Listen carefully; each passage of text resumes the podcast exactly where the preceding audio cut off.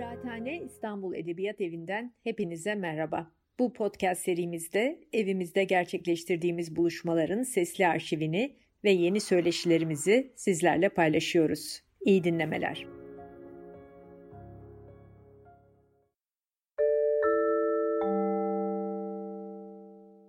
Herkese merhabalar. E, bugünkü konuşmamın başlığı Deleuze ve Guattari e, minor edebiyattan e, ne anlıyordu? Kıraathanede yaptığım Deleuze ile ilgili üçüncü konuşma olacak bu.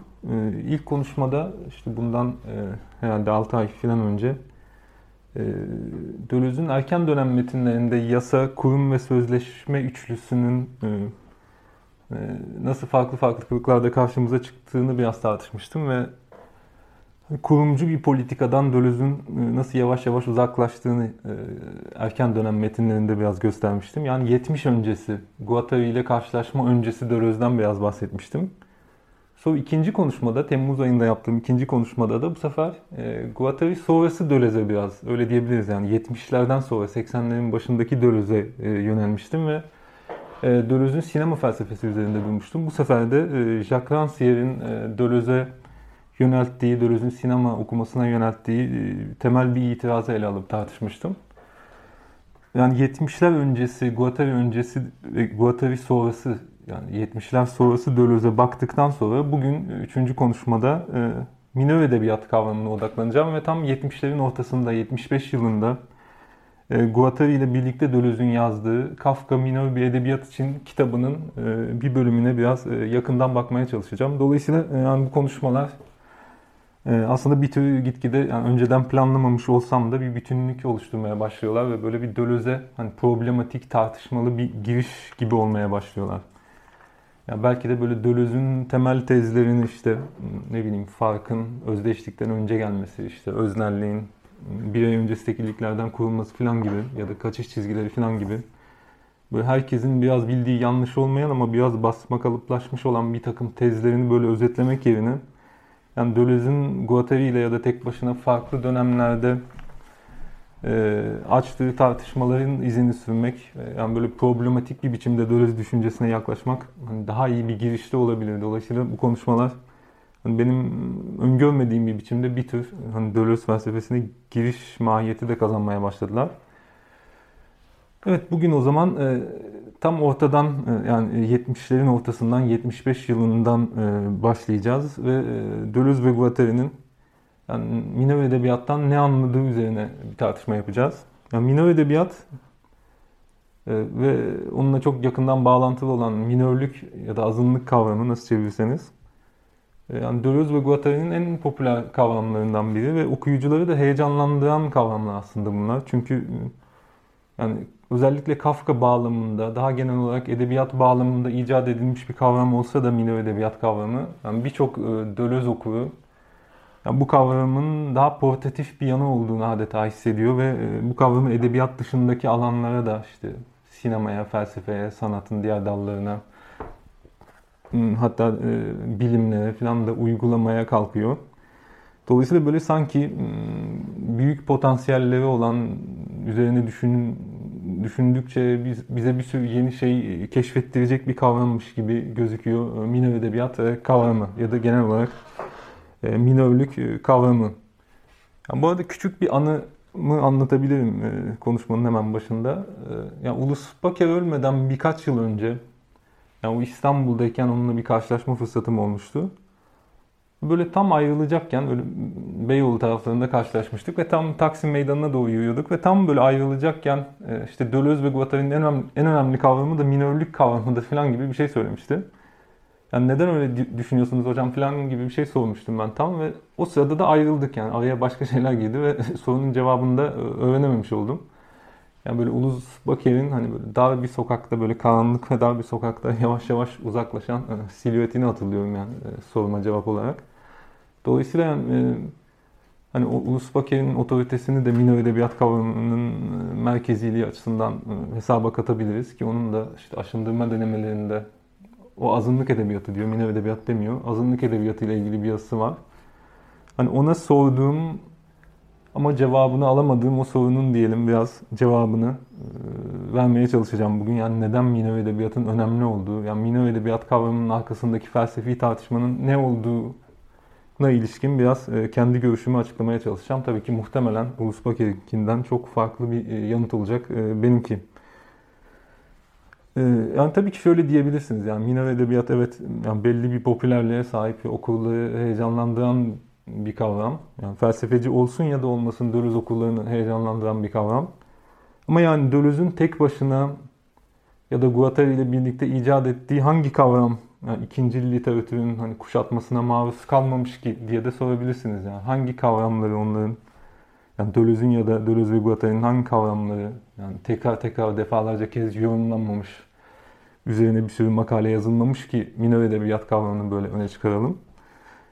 Ya evet gerçekten öyle ama e, minor edebiyat kavramında bana ilginç gelen şey yani üzerine düşünmeye değer olabilecek belki bir şey. Yani bu kavramı e, uyandırdığı ilginin genişliğinin yanı sıra yani bu kavramı kullanma tarzımızın esnekliği aslında. Yani minor edebiyat kavramını al, alımlayışımızdaki diyelim, o kavrama yaklaş, yaklaşma tarzımızdaki esneklik, serbestlik hatta bir ölçüde e, rastlantısallık. Yani sanki minor edebiyat kavramı ile biraz duygusal bir ilişki kuruyoruz ve e, yani aslında hiçbirimiz tam olarak Deleuze ve Guattari'nin minor edebiyattan tam olarak ne anladığı üzerine pek durmuyor. Yani 1975'te çıkan o Kafka kitabına geri dönüp orada minor edebiyatın nasıl tanımlandığı üzerine pek durmuyor. Yani daha çok bu kavramı e, yani Deleuze ve Guattari'nin asla öngöremeyeceği farklı bağlamlara taşıyarak kullanmayı seviyor gibiyiz. Yani Deleuze ve Guattari'nin hiç tanımadığı yazarlarla belki bu kavramı ilişkilendirerek, bambaşka temalarla ilişkilendirerek e, esnek, serbest bir biçimde bu kavramı kullanmayı seviyor gibiyiz. Aslında minor edebiyat kavramıyla kurduğumuz ilişkinin ek odağında diyelim kim minör sorusu var. Yani kim sorusu var ve kim minör? Yani minör edebiyatın temsilcisi olarak ya da minör bir yazar olarak kimi görebiliriz? Yani sanki şöyle bir sezgisel bir şey hissediyoruz. Yani minör iyi bir şey. Yani minör ile majör arasında tabii ki bir karşıtlık var. Minör iyi bir şey. Yani e, muhalif olan, işte biraz kenarda, kıyıda olan, yaratıcı olan, işte marjinal olan belki e, yazarlar minör. E, majör de böyle kötü bir şey. Yani, e, hani devrimci olmayan, yenilikçi olmayan, daha gelenekçi, e, hani daha e, standart edebiyatın standart kalıplarına bağlı figürlere de majör diyoruz. Yani bunlar e, yani pozitif ve negatif değerleri olan kavramlar. Majör ve minör kavramları. O yüzden de yani sevdiğimiz yazarlara tabii ki minör demek istiyoruz. Yani sevmediğimiz yazarlara da majör demek istiyoruz. Yani sevdiğimiz e, hani yazar, yazarlara diyelim majör sıfatını pek e, yakıştıramıyoruz. E, yani kim minör, kim değil. E, kimi minör olarak sayabiliriz? Minör edebiyat kavramını hangi yazarları okumak için kullanabiliriz falan. Sanki bizi heyecanlandıran şey minör edebiyat kavramında e, buymuş gibi geliyor bana. E, bir başka da işte minör edebiyat kavramını aslında sınıflandırıcı bir kavram olarak kullanıyoruz. E, yani sevdiğimiz yazarları sevmediğimiz yazarlardan işte ya da majör yazarları minor yazarlardan vesaire ayırmak için e, hani yazarları minor ve majör etiketleri altında sınıflandırabilmek için bu kavramı kullanıyoruz ve sınıflandırma da eğlenceli bir şeydir zaten. Yani e, hani sevdiğimiz ya da sevmediğimiz bir şeyi belli bir etiket altında düşünmeye çalışmak yani kendince biraz oyun gibi zevkli de e, bir şeydir.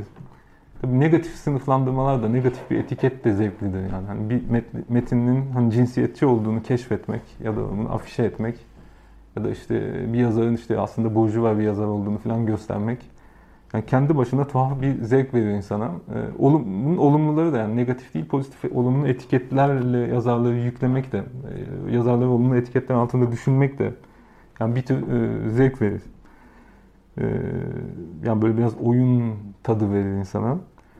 Yani Türkiye'den sadece örnek vereyim. Bu Fransa'da ya da İngilizce literatürde de yapılan, sık yapılan bir şey. Yani minor majör kavramları altında işte yazarları ya da sanatçıları düşünmek.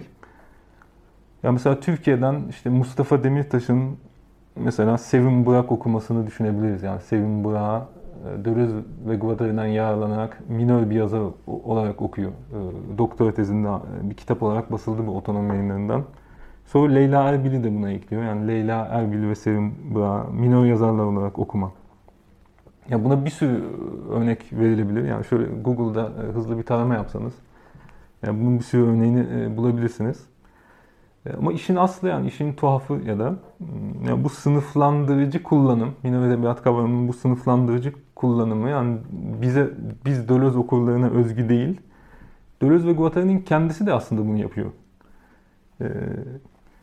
Yani minor edebiyat kavramını minor yazarları majör yazarlardan ayırmak için sınıflandırıcı bir kavram gibi kullanıyorlar Deleuze ve Guattari. Belli yazarları minor olarak etiketliyorlar gerçekten. Yani minor edebiyat Kafka ile ilgili kitapta ortaya çıktığına göre tahmin edeceğiniz gibi Kafka'yı minor bir yazar olarak okuyorlar. Ama mesela Beckett'i de minor olarak görüyorlar. Selin'i de minor olarak görüyorlar. Arto'yu da bu listeye ekliyorlar. İşte Deleuze'ün sevdiği pek bilinmeyen bir şair olan Gerasim Luka'yı da minor bir yazar olarak okuyorlar vesaire. Ee, dolayısıyla aynı sınıflandırıcı eğilim, aynı sınıflandırıcı oyun e, Deleuze ve Guattari tarafından da diyelim oynanıyor ya da sergileniyor. Ee, üstelik sadece edebiyatçılar değil, yani genel olarak e, sanatçılar, hatta filozoflar, hatta bilimciler de bu minor majör ayrımı üzerinden e, sınıflandırılabilirmiş izlenimini ediniyoruz Deleuze ve Guattari'yi okurken. Ya mesela birkaç örnek vereyim. Kafka ile ilgili kitaplarında ya minor edebiyattan söz ettikten hemen sonra yani felsefede de bir minor oluş için geç kalıp kalmadığımızı soruyorlar. Dolayısıyla yani minor kavramını, minor etiketini felsefe alanında da belki bazı filozofları tekrar düşünmek için kullanıp kullanamayacağımızı sorusunu ortaya atmış oluyorlar. Binya'yla da dilin majör ve minör kullanımları arasında bir ayrıma gidiyorlar. Yine Binya'ylanın sonlarına doğru işte göçebe savaş makinesini incelerken bu sefer devlet bilimlerine karşı e, minör bir bilimden söz ediyorlar. Verdikleri örnekte işte Demokritos'tan Lükretivs'e antik Yunan atomculuğu bir yandan, diğer yandan da Arşimet e, geometrisi. E, kısacası yani okurlarından önce bizzat yazarlar yani minor edebiyat kavramının yaratıcıları da e, bu kavramı esnek ve sınıflandırıcı bir biçimde kullanıyorlar. Ee, ve sadece yazarları, edebiyatçıları sınıflandırmak için değil, gördüğümüz gibi hani bilimcileri bile sınıflandırmak için, hatta bilim tarihini e, e, yeni bir gözle okumak için falan kullanıyorlar. İşte yani iş e, Demokritos'a ve Arşimed'e kadar e, gidiyor gördüğünüz gibi. Ama madalyonun diğer yüzü de var ve bugün bu konuşmayı yapma sebebim de bu aslında.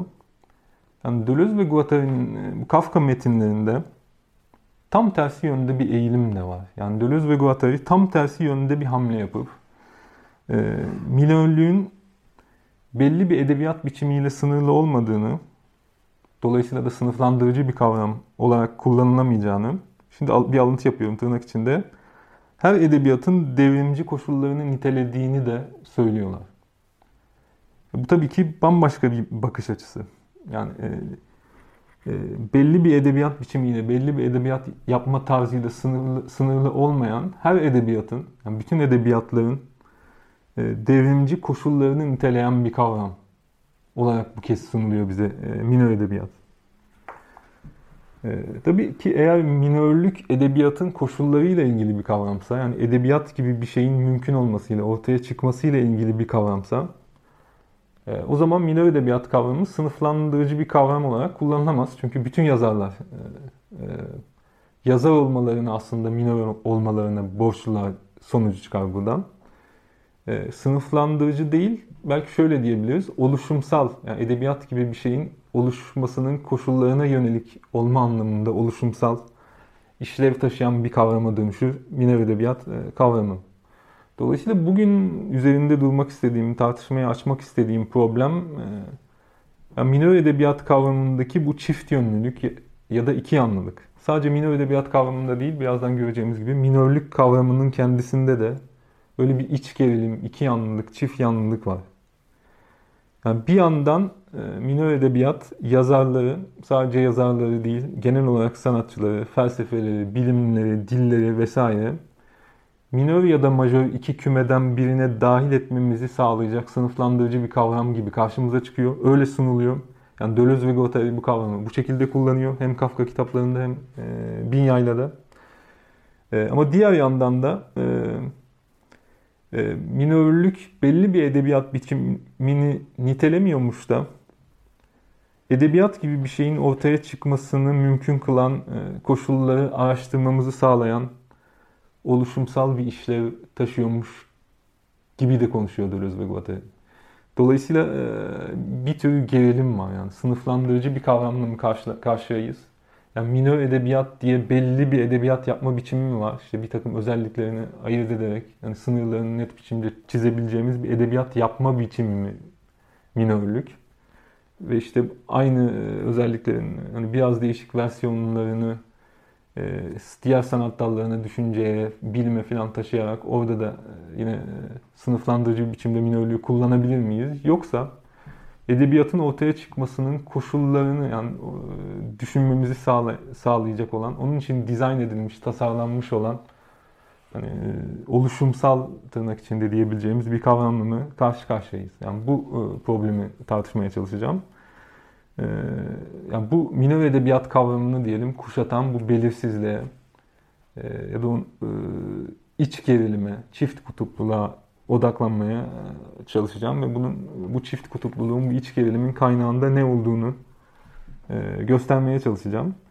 Yani şimdiden iddia edeceğim şeyi baştan söyleyeyim.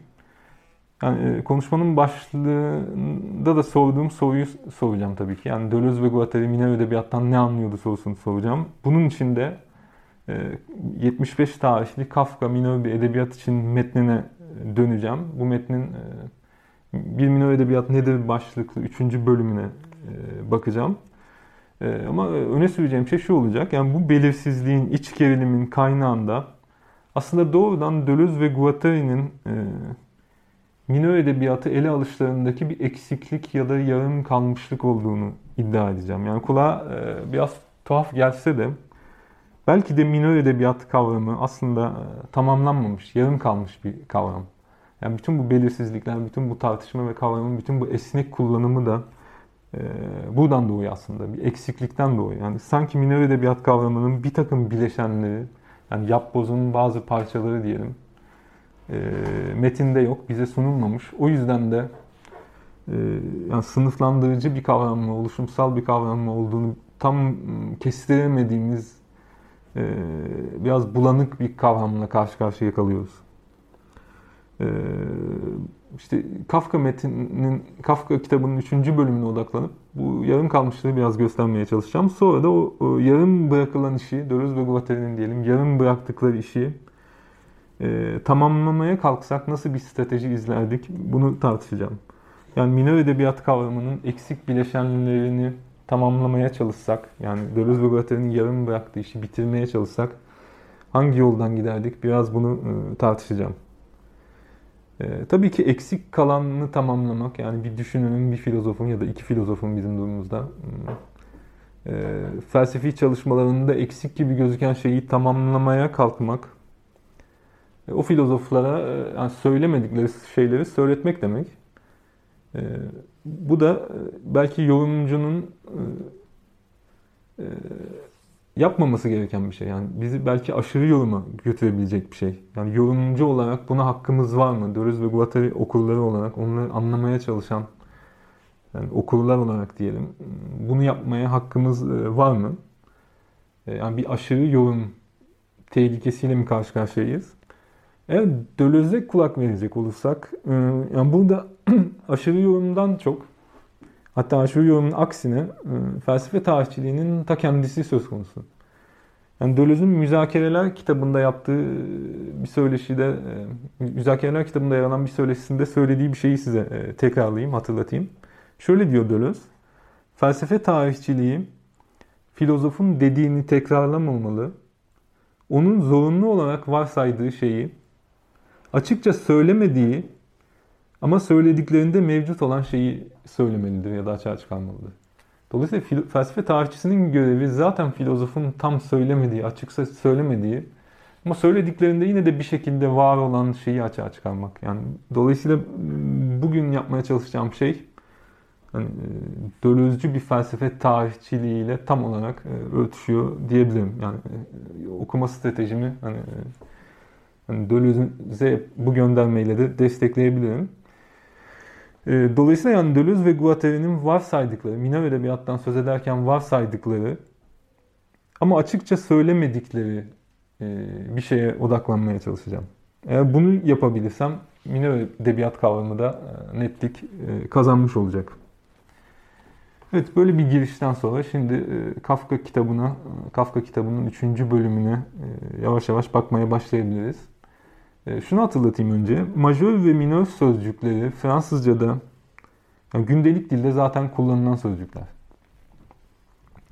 Bir kere birinci anlamı, majör ve minörün birinci anlamı Türkçe'de de olduğu gibi işte gamlar, müzikteki gamlar, majör ve minör, gamlar ya Fransızca'da da tıpkı Türkçedeki gibi majör ve minör ayrımı müzikal bir anlam taşıyor her şeyden önce. İşte majörler tükendi minörlere yolculuktaki majör minör bu. Gamlar. İkinci, ikinci anlamı e, majör ve minörün Fransızca'daki ikinci anlamı yetişkin olma ve olmama. Yani majör yetişkin, minör yetişkin olmayan demek aslında. Yani minör olmak 18 yaşından küçük olmak demek. Üçüncüsü, üçüncü anlamı majör ve minör sözcüklerinin e, minör sayıca az demek ya da önemsiz, değersiz filan demek. Nitelik olarak önemsiz, değersiz demek. Majör de sayıca çok ya da önemli, değerli demek.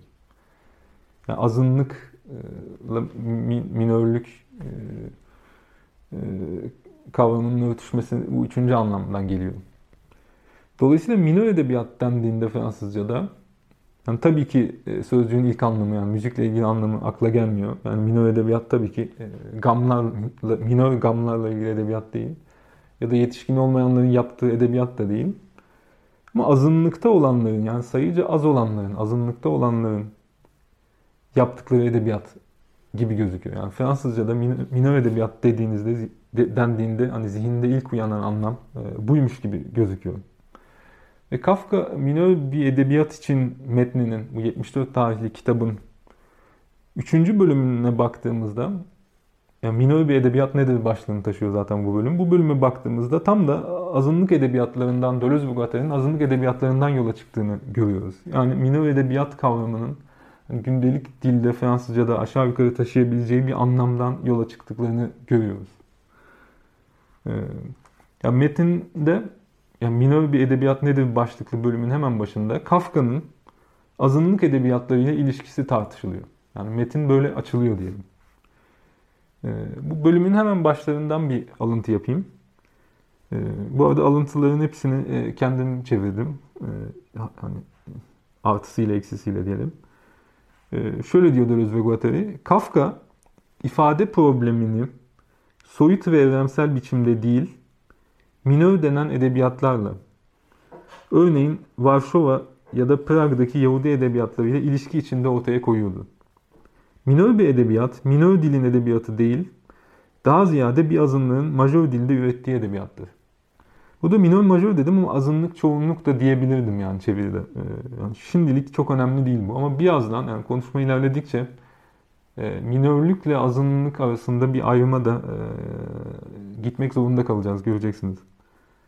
E, bir daha hızlıca tekrarlayayım alıntıyı. Kafka ifade problemini soyut ve evrensel biçimde değil, minör denen edebiyatlarla ya da azınlık edebiyat denen edebiyatlarla ilişki içinde ortaya koymuştu. Bunun örneği de Varşova ya da Prag'daki Yahudi edebiyatları. Minör bir edebiyat, minör dilin edebiyatı değil, daha ziyade bir azınlığın majör dilde ürettiği edebiyattır. Ne öğreniyoruz bu açılış satırlarından? Bir kere minör edebiyat derken e, kastedilen şey azınlık edebiyatı. Yani azınlıkların yaptığı edebiyat bu açık. Yani örnekler kuşkuya yer bırakmıyor. Yani yaptığım alıntıda işte Yahudilerin Prag'da Almanca yaptıkları edebiyat. Sonra birkaç satır ileride başka örnekler de veriliyor. Siyahların Amerikan İngilizcesinde ürettikleri edebiyat. Yani bu örneklerden de açık kastedilen şey. Ama minor edebiyat derken azınlıkların kendi ana dillerinde yaptıkları edebiyat kastedilmiyor.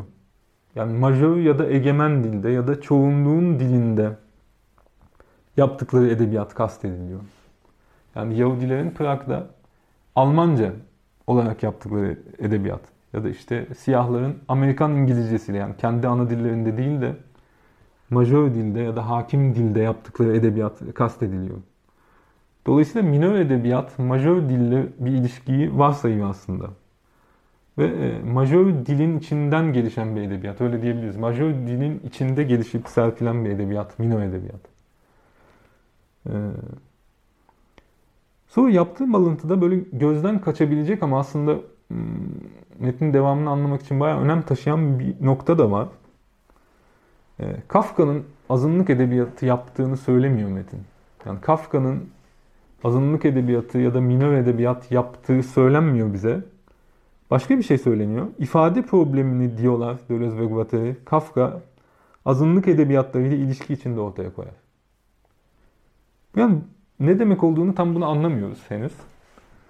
Ee, yani ifade problemini somut olarak ele almak, neden azınlık edebiyatlarına başvurmayı gerektirsin? Bu henüz bizim için belli değil. Yani Kafka'nın azınlık edebiyatları ilişkisinin ne olduğu da tam olarak belli değil. Ee, ama şunu hissediyoruz yani e, Varşova'da Almanca edeb Varşova'da ve Prag'da Almanca e, edebiyat yapan e, Yahudilerden yani Yahudi azınlık edebiyatından Kafka'yı uzaklaştıran, ayıran bir mesafe de var. Yani Kafka onların dışında bir yerde yer alıyor aslında. Ama onlarla da ilişkili bir şey yapıyor. Yani ifade problemini bu azınlık edebiyatları üzerine düşünerek ortaya koyuyor. Ama kendisi tam olarak o ekibin bir parçası da değil gibi. Dolayısıyla e, Kafka'nın azınlık edebiyatlarıyla bir ilişkisi var.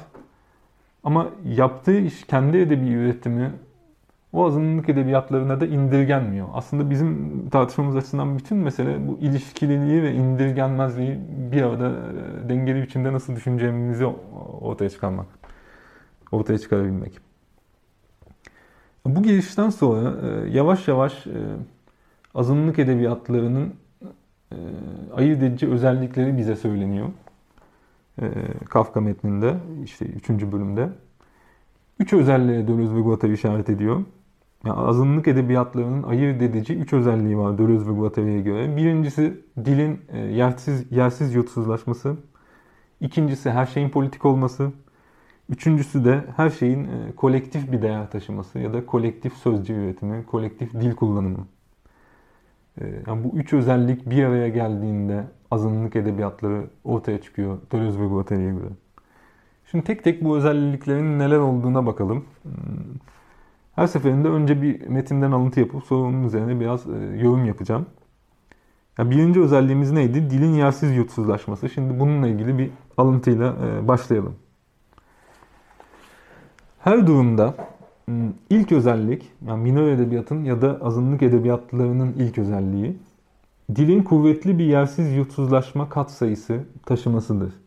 Kafka, Prag'daki Yahudilerin yazıya erişimini önleyen ve onlar için edebiyatı olanaksız hale getiren çıkmazı e, şu şekilde açıklar. Yazmamanın olanaksızlığı, Almanca yazmanın olanaksızlığı, başka türlü yazmanın olanaksızlığı. Da alıntı bitiyor. Evet burada ne söyleniyor bize? Yani minor edebiyatın ilk özelliği dilin yersiz yutsuzlaştırılması. Dilin kuvvetli bir yersiz yutsuzlaşma katsayısı taşıması. Tam olarak alıntıyı hatırlarsak. Tabii ki yersiz yurtsuzlaşma biraz teknik denebilecek bir kavram. Böyle Deleuze ve Guattari'nin e, bin yayla da 80'de çıkacak kitaplarında ıı, sıkça kullanacakları bir kavram. Ki zaten bu Kafka kitapları 75'te çıkan ince bir kitap bu. Yani bir açıdan bin yaylanın bir bölümü gibi yani. Bin yaylanın içinde de bize sunulsaydı, oradaki yaylalardan biri de olsaydı bu ıı, Kafka kitabı e, çok yadırgamazdık. Dolayısıyla bin yaylanın terminolojisi epeyce kullanılıyor bu kitapta. Zaten o sırada bir yandan da muhtemelen bin yaylayı hazırlıyorlar. Yani bu bir ara kitap gibi bir şey. Kapitalizm ve Şizofreninin birinci cildiyle yani Anti-Oedipus'la ikinci cilt bin yayla arasında yani 70'lerin başı ile sonu arasında tam ortada bir ara kitap ve yani bin yaylaya giden yolda bir adım gibi bir şey. O yüzden bin yaylanın terminolojisi kitapta çok fazla var ama biz bu teknik kısmına çok ilgilenmek zorunda değiliz. Yani bu teknik yanı paranteze alarak şöyle anlayabiliriz yersiz yutsuzlaşmayı. Dilin sınırlarının e, zorlanması. Yani çok basitçe e, düşünecek olursak. Ya azınlıklar ana dillerinde değil, hmm, pek de hakim olmadıkları bir dilde yazıyorlar aslında. Yani yabancı bir dilde, çoğunluğun dilinde yazıyorlar. Ee, o yüzden de o dili kullanırken ister istemez o dili dönüştürüyorlar. hatta bozuyorlar ve çoğu zaman da bunu farkında bile olmadan yapıyorlar aslında. Yersiz yutsuzlaşma denen şey bu. Yani Yahudiler Almanca edebiyat yazarken Almanca'ya da bir şey oluyor yani bozuluyor diyelim. Ya da işte e, siyahlar Amerikan İngilizcesinde edebiyat yaparken Amerikan İngilizcesinde dönüşümü öğretiyorlar. Yani Türkiye içinden Kürtler, Türkçe yazan Kürtler için belki bir yere kadar söylenebiliyor. Yani Türkçe'ye de bir şey oluyor o edebiyatta. Bir dönüşüm geçiriyor Türkçe. Ee, bu durumun nedeni azınlıkların majör dilde edebiyat yaparken o dili yersiz yutsuzlaştırmalarının nedeni o azınlık yazarlarının deneysellik arayışında olması ya da böyle yenilik peşinde, yeni edebi buluşlar peşinde falan e, koşmaları değil tabii ki. Ya azınlık edebiyatları aslında çaresizlikten dili yersiz yutsuzlaştırmak zorunda kalıyorlar e, diyebiliriz. E, ya, hakim olmadıkları için aslında dili bozuyorlar. E, yani dille oynamak istedikleri için değil. Yani edebi bir takım eğilimlerle, kararlarla, tercihlerle açıklanacak bir şey değil bu yersiz yutsuzlaşma aslında. Yani azınlık yazarların majör dille konuşmak zorunda, yazmak zorunda kaldıklarında ortaya çıkan bir durum, bir olgu aslında bu. Yersiz yutsuzlaştırma olgusu. Ee, daha da genel olarak minor edebiyatın yani çıkışsızlıktan, bir tür çıkışsızlıktan, daralmadan, ifade araçlarının sınırlılığından yani Kafka'nın demin alıntıladığım pasajdaki deyimiyle başka türlü yazmanın olanaksızlığından doğduğunu söyleyebiliriz. Ne diyordu metinde Kafka? Ee, yazmamanın olanaksızlığı, Almanca yazmanın olanaksızlığı, Yahudiler için konuşuyor. Başka türlü yazmanın olanaksızlığı. Yazmak zorundalar. Yani yazmamanın olanaksızlığı o. Yazmak zorundalar. Çünkü e, azınlığın doğmakta olan ulusal bilinci belki de e, yani o bağlamda konuşacak olursak edebiyattan besleniyor. Yani yazmak ve kendilerini ortaya koymak, bir şekilde ifade etmek zorundalar. Bunu da çoğunluğun dilinde yapmak zorundalar. Yani çoğunluğun dilinde yazmak zorundalar. İşte Almanca yazmak zorunluluğu. Yani çünkü kendi dilleri henüz bir yazı dili değil ve kendi ana dillerinde henüz yani edebiyat yapmanın koşulları ortaya çıkmamış durumda. Üçüncü olarak da çoğunluğun dilini bozarak yazmak e, zorundalar. E, çünkü o dile hakim değiller. Yani o dili tırnak içinde düzgün kullanmayı bilmiyorlar zaten.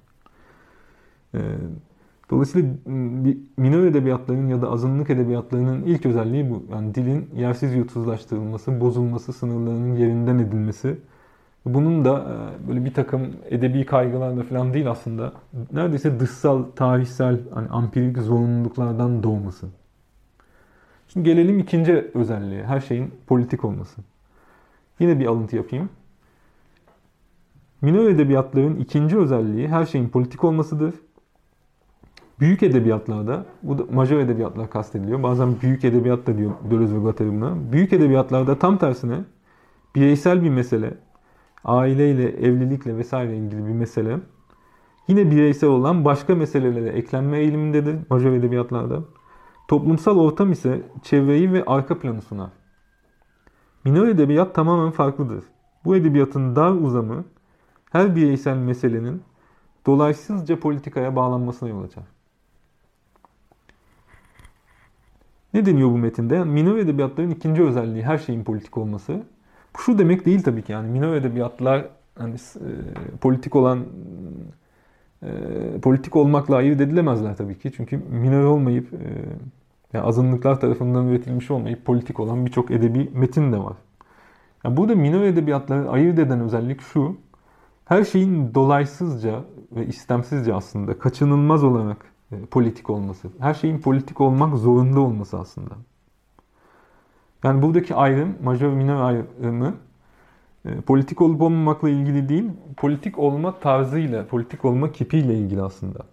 Yani majör denen edebiyatlarda politika da toplumsal meseleler e, bireysel meselelerden ayrı olarak ele alınabiliyor. Yani bunlar iki farklı katman gibi bir sahnenin önü ve arkası gibi düşünebilirsiniz. İki farklı e, yerde, iki farklı boyutta karşımıza çıkabiliyor bu ve o şekilde bize sunulabiliyor. Yani toplumsal bir olay e, romanın ya da işte edebi üretim tarzı neyse onun arka planını ya da çerçevesini sunabiliyor. Ya mesela e, yani aklıma gelen ilk örnek e, somutlaştırmak istersek Orhan Pamuk'un Masumiyet Müzesi mesela. Hani bir aşk öyküsü hatırlarsanız bu. Yani uzun yıllara yayılan bir böyle biraz platonik boyutları da olan bir aşk öyküsü anlatılıyor bize. Arka planda da işte 12 Eylül oluyor mesela. Yani birçok kişi hani 12 Eylül'ün bu şekilde kullanılmasını eleştirmişti roman çıktığında. Yani burada ya Orhan Pamuk şunu yapabiliyor yani aşk öyküsüyle yani bize anlatmak istediği aşk hikayesiyle o hikayenin geçtiği ortamdaki hani e, politik durumu e, birbirinden ayrı olarak bize sunabiliyor yani. Arka planda politik durum var, ön planda da bize bir aşk hikayesi anlatılıyor. Oysa minör edebiyatın dar uzamında, öyle diyor ya Metin, minör edebiyatın e, tamamen farklıdır bu edebiyatın dar uzamı diyor.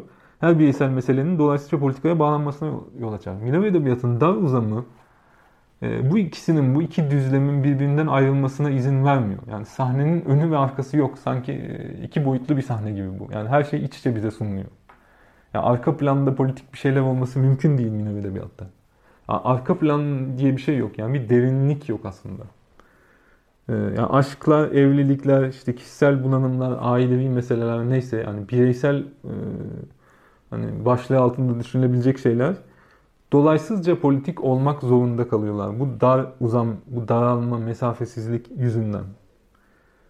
Her şey her şey politik çünkü politik olmayan şeyler de politik aslında. Yani aşk, işte ailevi sorunlar, evlilik falan bunlar da politik minor edebiyatta. Ee, yani şöyle düşünün yani bir Yahudinin işte bir Nazi'ye aşık olduğu bir roman yazmak isterseniz ya bunu normal bir aşk hikayesi gibi yap, yani Orhan Pamuk'un Masumiyet Müzesi'nde yaptığı gibi anlatmanız mümkün değil. Ya o da zaten e, aşk hikayesinin kendisi e, e, doğrudan politik bir anlam taşıyor. İşte politik, toplumsal vesaire bir anlam e, taşıyor. E, yani bu dar uzamda diyelim e, politik olanla olmayanı, bireysel olanla toplumsal olanı birbirinden ayırt edecek mesafe yok. Ya aşk ilişkileri zaten e, sınıfsal ilişkilerden, işte aile krizleri diyelim, ekonomik krizlerden, kişisel bunalımlar toplumsal bunalımlardan ayırt edilemez biçimde aynı düzleme aitler. E, mesafesizlik yüzünden. Dolayısıyla minor edebiyatlarda her şeyin politik olmasının sebebi bu. Yani bu minor edebiyat yazarlarının, azınlık yazarlarının politik olarak angaja olmaları değil burada söz konusu olan şey. E, bir aşk hikayesi anlatmak isterken bile kendilerine rağmen anlatmaya çalıştıkları şeyin politik bir anlam taşıması.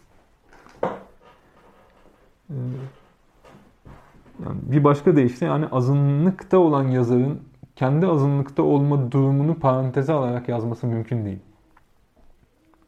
E, o yüzden ne yaparsa yapsın politik olacak yaptığı şey. Gelelim üçüncü ve son özelliğe, Minev Edebiyatı üçüncü ve son ayırt edici özelliğine. E, her şeyin kolektif olması bu da. Yine bir alıntı yapayım. Üçüncü özellik her şeyin kolektif değer kazanmasıdır. Tam da minör bir edebiyatta büyük yeteneklere pek rastlanmaması nedeniyle belli bir tırnak içinde ustaya ait olacak ve kolektif sözcü üretiminden ayırt edilebilecek bireyleşmiş bir sözcü üretiminin koşulları verili değildir. Dolayısıyla yeteneklilere böyle seyrek rastlanması aslında iyi bir şeydir. Minor edebiyatta yani yetenek, yeteneklilere böyle seyrek rastlanması aslında iyi bir şeydir. Ve ustalara ait, ustaların tekelinde olan diyelim, edebiyattan başka bir şeyin düşünülebilmesini sağlar. Yazarın tek başına söylediği şey zaten ortak bir eylem meydana getirir ve söyledikleri de ya da yaptıkları başkaları onunla hemfikir olmasa da zorunlu olarak politiktir. Bu da e, azınlık edebiyatlarının üçüncü ayırt edici özelliği. Yani burada ne, de, ne denmiş oluyor? Minor edebiyatta yazar kendi sesini yani mensubu olduğu azınlığın sesinden aslında ayırt edemiyor. Yani kendi dilini diyelim yaratamıyor. E, yani bir dil ustası gibi e, konuşamıyor aslında. Hani bir üstad falan olamıyor. O yüzden de o konuştukça aslında e, bütün bir halk konuşmuş gibi oluyor ya da bütün bir azınlık e, konuşmuş gibi oluyor. Yani, e, yani kolektif bir özne diyelim yazarın kendi öznelliğinin yerine geçiyor. Burada da yine kaçınılmazlık vurgusu var. Yani diğer iki özellikte hep hep bunu hissediyoruz. Yani minor edebiyatla ilgili konuştuklarında Dolores Hugo'da hep hissettiğim şey şu. Başka türlüsünün olmasının imkansızlığı, kaçınılmazlık, zorunluluk, daralma, baskı, basınç gibi bir şey neredeyse. Burada da aynı şey var. Ee, yani yazar istemediği halde yani e, kolektif bir sözce üretimine mahkum oluyor neredeyse. Oraya doğru itiliyor. Yani kendi sesini bulmak istese bile o ya halkın sözcülüğüne soyunmaya falan kalkmasa bile başkalarını e, temsil etmeye, onlar adına konuşmaya falan kalkmasa bile e, minor edebiyatın yazarı kolektif bir sözce üretimine mahkum. Neden? Çünkü azınlıkta olmak ve çoğunluğun dilinde yazmaya mahkum olmak, o çoğunluğun dilini e, yetkinlikle kullanamamak demek aslında yani. O çoğunluğun dili içinde kendi bireysel üslubunu falan yaratacak biçimde o dile hakim olamamak e, demek. Yani usta yazar, dil ustası vesaire olamamak demek. Yani yüksek kültüre erişim yollarının kapalı olması demek. Yani bu da e, acemi kalmaya, e, hani herkes gibi konuşmaya aslında kolektif sözcü üretimine mahkum olmak e, demek. Yani şöyle düşünebilirsiniz bunu anlamak için. E, yani hani lise yıllarında falan e, yazdığımız şeyleri düşünelim yani. Böyle kompozisyon, e, metinler falan. Ya o metinleri şöyle dönüp bir okuduğunuzda şunu hissedersiniz. Ya herhangi bir liseli bunu yazabilirdi aslında. Yani o yıllarda yaşamış her yani işte ben kendi liseliliğim 90'larda olduğu için yani lisede yazdığım bir şeye baktığımda yani e, öyle bir şey bulamıyorum gerçi artık kalmadı hepsi kayboldu gitti ama e, arada öyle bir şey çıktığında yani 90'larda herhangi birinin yazabileceği bir şey bu. Yani Hakan değil o. Ee, yani bir tür yani dile hakim olmama işte gençlik falan bir amatörlük, acemilik var ve yazdığınız şeyler yani size ait değiller tam olarak aslında. Sizin de ait olduğunuz, mensubu olduğunuz grubun hani kolektif dilini yansıtıyorlar o, o metinler. Ee, sizin için o yazdıklarınız çok önemli olsa bile e, duygusal olarak falan. Ee, herhangi bir liselinin ya da her 90'larda yaşayan, Türkiye'de yaşayan işte ya da İstanbul'da yaşayan herhangi genç birisinin söyleyebileceği şeyler. İşte e, minor yazarın durumu da bu aslında. Yani mensubu olduğu e, işte azınlıktan herhangi birisinin diliyle konuşmak zorunda. O yüzden kendi sesini bulamıyor. E, herkes gibi konuşuyor. Yani o e, azınlığa ait olan herkes gibi konuşuyor. O yüzden o konuştukça bir halk konuşmuş gibi oluyor. Demin öyle dedim. Dolayısıyla toparlayacak olursam e, minor edebiyatla e, majör edebiyat arasında güçlü bir karşıtlık kurulmuş durumda. Yani bir yanda azınlıkların yaptığı edebiyat var. Bir yanda yerleşik edebiyat, işte büyük diyorlar bazen ve Guattari'ne, büyük edebiyat, çoğunluğa ait geleneksel majör edebiyat var. Ve azınlık edebiyatlarının e, üç özelliği var. Bu üç özellikte yani dilin bozulması, yersiz yurtsuzlaşması da, her şeyin politik olması da, kolektif sözcü üretimi de, zorunluluktan bir tür tarihsel toplumsal zorunluluktan, kaçınılmazlıktan, belki çaresizlikten bilmiyorum, e, bir tür basınçtan, dışsal bir basınçtan doğuyor. Yani dili yetkin bir biçimde kullanamayan minor yazar o dili bozup yersiz yurtsuzlaştırıyor. Yani e, bireysel bir aşk hikayesi anlatmaya çalışsa bile anlattığı şey politik bir politik olmaya başlıyor. Kendisine rağmen adeta. Yani kendi dilini bulmaya çalışsa bile yani dili belli bir anonimlik ve kolektiflik e, taşıyor. E, bu da iki önemli e, noktaya dikkat çekelim şimdi. Yani birincisi yani şu ana dek Deleuze ve Guattari azınlıkların işte Yahudilerin, siyahların vesaire majör dilde yaptıkları, çoğunluğun dilinde yaptıkları edebiyattan söz ettiler. Yani Kafka'dan, Selin'den, işte Beckett'ten, Artaud'dan henüz e, söz edilmedi aslında. E, yani baskı altındaki halklardan aslında söz ediliyor şu anda burada. Yani e, kısacası azınlık edebiyatları ya Kafka'yı minör yapan şeyin ne olduğu hakkında henüz bize bir fikir vermiyor. Yani henüz minör sözcüğünün hani gündelik, o Fransızca'daki gündelik anlamından felsefi anlamına diyelim e, geçiş yapmış değiliz. Henüz minörlük kavramının ne olduğunu keşfetmiş değiliz. Dolayısıyla Kafka'nın hangi anlamda minör olduğunu da henüz e, bilmiyoruz aslında. İlk söyleyeceğim şey bu. Yani henüz daha işin e, başındayız öyle diyelim. daha minörlük kavramına ilk adımı attık. Bir tür ön hazırlık gibi bir şey yaptık. O kadar. İkincisi, ikinci söylemek, söyleyebileceğim şey e, minör edebiyat e, kavramı sınıflandırıcı bir kavram olarak e, kullanıldığında neden her şey rastlantısal hale geliyor onu biraz anlamaya başlıyoruz aslında. Yani minör edebiyat kavramını işte e, yazarları majör ve minör gruplara ait gruplara dağıtmak için kullandığımızda, onları sınıflandırmak için kullandığımızda neden böyle bir rastlantısallık ve esneklik, gevşeklik hatta doğuyor? Bunu biraz anlamaya başlıyoruz. Elimizde üç özellik var. İşte bir daha tekrar edeyim hadi. Birçok kez söyledim ama dinin yersiz yurtsuzlaşması, her şeyin politik olması, kolektif sözcü üretimi. Ya bu özelliklerin tek tek ne olduğunu anlamak kolay. Yani demin gördük zaten bunları. Ama bunlar arasında zorunlu bir bağ yok aslında. Yani bir yazarın ya da bir metnin hani minör olduğunun söylenebilmesi için bu üç özelliğin e, hepsine birden o metnin sahip olması zorunlu mu? Yoksa bu özelliklerden bir tanesine, herhangi birine ya da herhangi ikisine sahip olması yeterli mi? Yani bunu bilmiyoruz. E, bu üç özellik arasında zorunlu bir bağ yokmuş gibi görünüyor. Yani dili e, bozan bir metin illa politik olmak zorunda değil. E, ya da politik bir metin tam tersine son derece politik olan bir metin e, hani standart dil kullanımına bağlı kalabilir. Yerleşik kalıpları, yerleşik ifade tarzlarını yoğun biçimde kullanabilir. E, dolayısıyla ya biraz zorlamayla mesela politik ya da muhalif yanları olan bir metni de yani dille oynayan, dille deneyler yapan bir metni de yani kolektif değerler barındıran bir dille yazılmış bir metni de kolayca minör edebiyat e, başlığı altında düşünebiliriz. Zaten bunu yapıyoruz aslında. Ee, yani o en başta söylediğim sınıflandırıcı oyun biraz buna dayanıyor. Yani bu üç kavram yani biraz rahat biçimde kullandığımızda aslında her metne, her sevdiğimiz metne e, minör edebiyat diyebiliriz yani. Bu üç kavram, bu üç e, başlıktan, bu üç eğilimden en azından birine ya da ikisine yakın sayan bir şeyler bulmak bir e, edebi metinde çok da zor e, olmasa gerek. E, dolayısıyla belirsizlikler ortadan kalkmadı. Yani şu an Kafka kitap bunun işte üçüncü bölümünü biraz okumaya başladık. Belirsizlikler ortadan kalkmadı.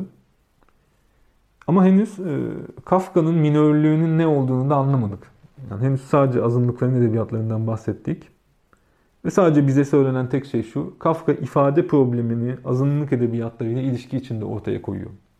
Yani tek bildiğimiz şey şu an için, tek bize söylenen şey e, bu.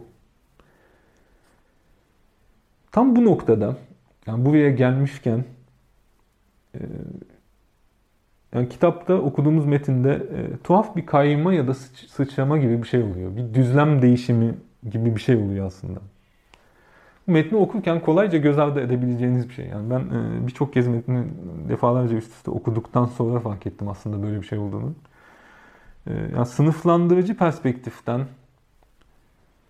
oluşumsal perspektife geçiş diyelim. Yani öyle bir şey oluyor metinde. Metin bir düzlem değiştiriyor. Bir yön değişimi, düzlem değişimi, işte bir kayma, sıçrama, başka bir yere geçme falan gibi bir şey oluyor. Şimdi o pasajı size e, okuyayım. Şöyle diyor Deleuze ve Guattari. Azınlık edebiyatının üç özelliği dilin yersiz yurtsuzlaşması, bireysel olanın dolaysızca politik olana bağlanması ve kolektif e, sözcü üretimi düzenlemesidir. Bunları demin gördük zaten. Şimdi sıçrama dediğim şey şimdi oluyor. Dolayısıyla minör artık bazı edebiyatları nitelemekten çıkar, büyük ya da yerleşik denen edebiyatın orta yerinde her edebiyatın devrimci koşullarını niteler. Bu da bayağı büyük bir değişim oluyor. Yani minör bazı edebiyatları nitelemekten, azınlıklara özgü olan edebiyatları nitelemekten çıkar. Ee, büyük denen edebiyatın orta yerinde, yerleşik denen edebiyatın orta yerinde her edebiyatın devrimci koşullarını niteler. Büyük edebiyat yapılan bir ülkede doğma bahtsızlığına uğramış birisi bile e, kendi dilinde yazarken Almanca yazan Çek bir Yahudi ya da Rusça yazan bir Özbek gibi yazmalıdır. Biraz devamını da okuyayım. Burası güzel güzel bir metin çünkü bu e, uzun bir alıntı yapayım ama olsun. Yapacağım ama olsun. Şöyle devam ediyor metin. Yani çukur kazan bir köpek gibi yuva yapan bir sıçan gibi yazmak. Bunun için de kendi az gelişmişlik noktasını, kendi şivesini, kendi üçüncü dünyasını, kendi çölünü bulmak. Marjinal bir edebiyat nedir, popüler, proleter vesaire edebiyat nedir gibi konular çok tartışılmıştır. Minör edebiyat gibi daha nesnel bir kavrama başvurulmadığı sürece ölçütler bulmak elbette son derece zordur. Metnin son, son kısmı da ilginç. Yani minör edebiyat gibi daha nesnel bir kavrama başvurulmadığı sürece. Yani minör edebiyatın nesnel bir kavram olduğu söyleniyor ki bu e, yani Döloz'dan ya da Dölöz ve Guattari ikilisinden pek beklenmeyecek bir şey aslında. Burada ne oluyor bu metinde? Hmm, Baya önemli bir şey oluyor. E, tam bir düzlem değişimi, tam bir sıçrama konusu, e, söz konusu. Yani dolayısıyla Minogue artık bazı edebiyatları nitelemekten çıkar dedikleri andan itibaren artık tarihsel bir çerçevede işte baskı altındaki azınlıkların durumundan ve onların bir takım dışsal zorunluluklardan doğan edebiyat yapma biçimlerinden söz etmeyi bırakıyoruz. Yani şimdi artık e, şu ya da bu edebiyat e, tarzından, belli bir edebiyat yapma biçiminden değil, edebiyatı edebiyat yapan koşullardan söz etmeye başlıyoruz. Yani bütün dilleri ve bütün edebiyatları azınlık olsun olmasın, majör ya da minör kat eden devrimci bir çizgi olarak minörlük. Metnin bize söylediği şey bu. Yani minör ve majör artık e, tarihsel azınlıklardan bağımsız olarak e, edebiyata içkin iki kutba dönüşüyor öyle diyebiliriz. Bütün edebiyatları. E, yani burada bir e, bu jeste, bu sıçrama dediğim şeye hani bir isim verecek olsak şöyle diyebiliriz belki. Metin bunu demiyor ama açıkça.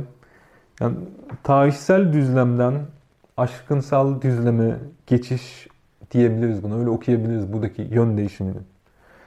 Yani Deleuze ve Guattari aşkınsal ifadesini kullanmasa da. Aslında Deleuze e, erken dönem yapıtlarında yani Guattari öncesi yapıtlarında özellikle Bergson'un da etkisiyle bizim somut deneyimimizi e, bir karışım olarak görüyordu. E, ve aşkınsal felsefe dediği şeyin görevinin de deneyimi deneyimin koşulları yönünde aşmak olduğunu söylüyordu. Mesela Deleuze'ün Bergsonculuk kitabında falan bunu net olarak e, bulabilirsiniz bu fikirleri. E, yani deneyimimiz bir karışım, bir takım eğilimlerden oluşuyor. Yani bir sürü eğilim var deneyimde.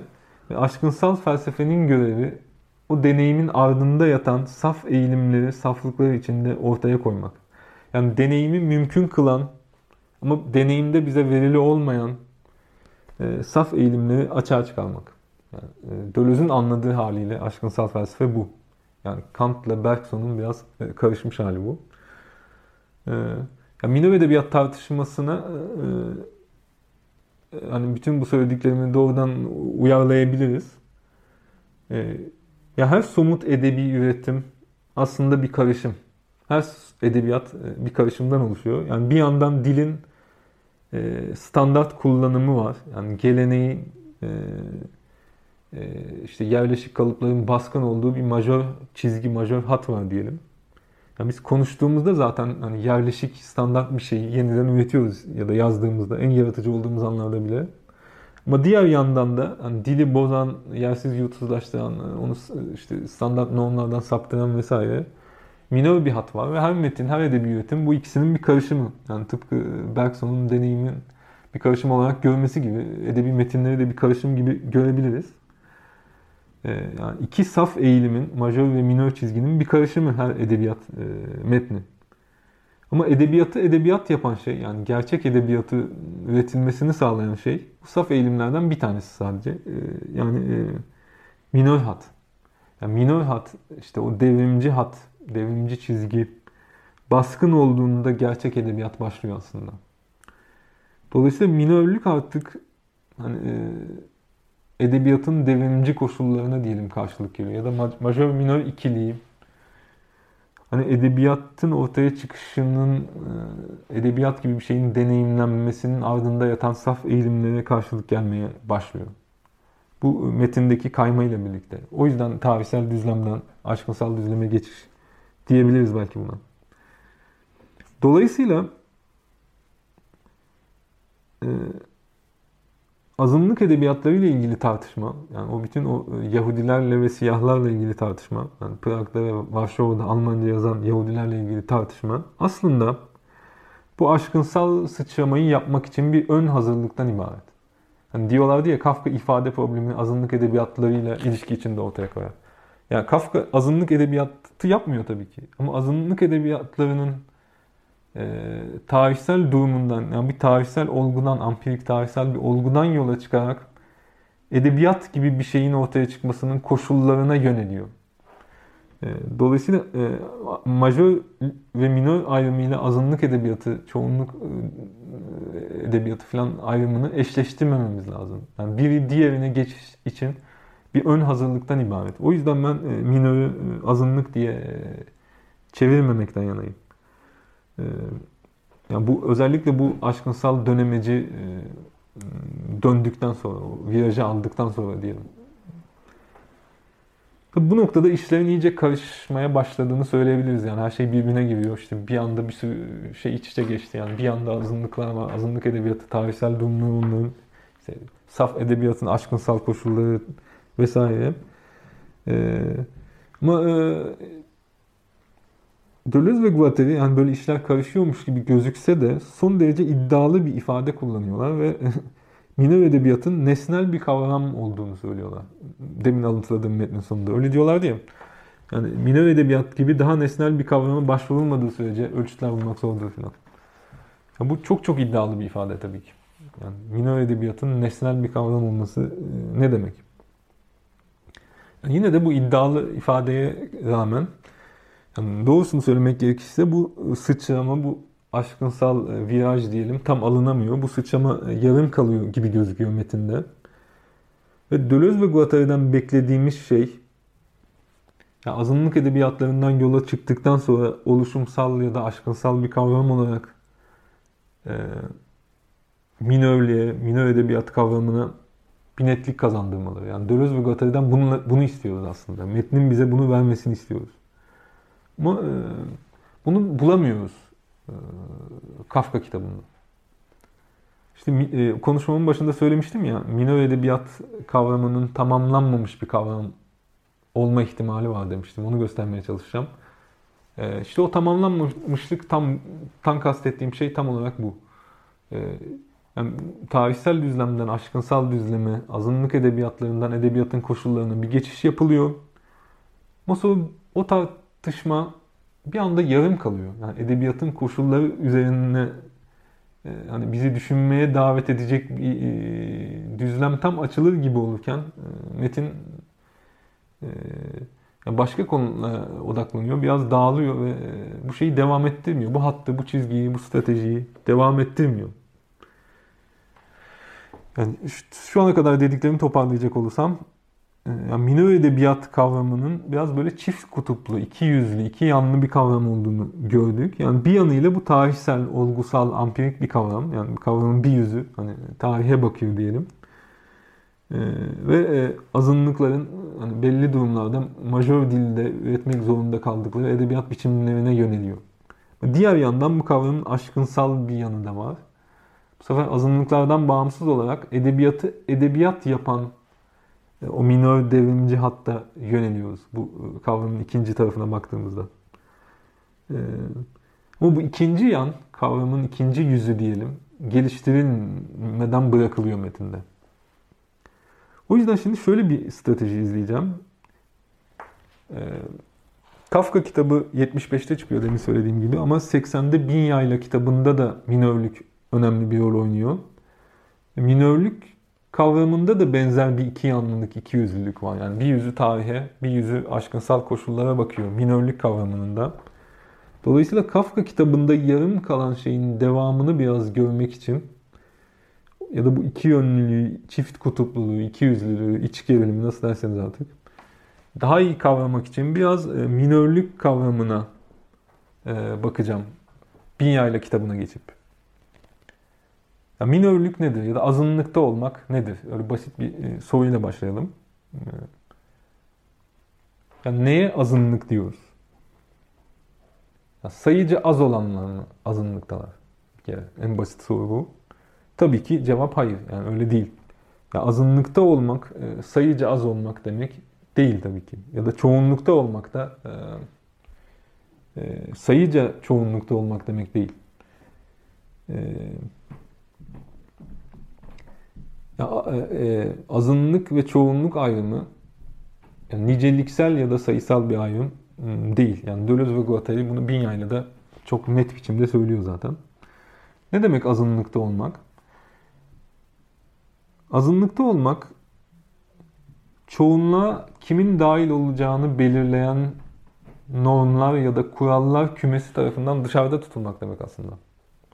Yani çoğunluğu belirleyen normlar kümesi tarafından dışarıda tutuluyorsanız o zaman azınlıktasınız.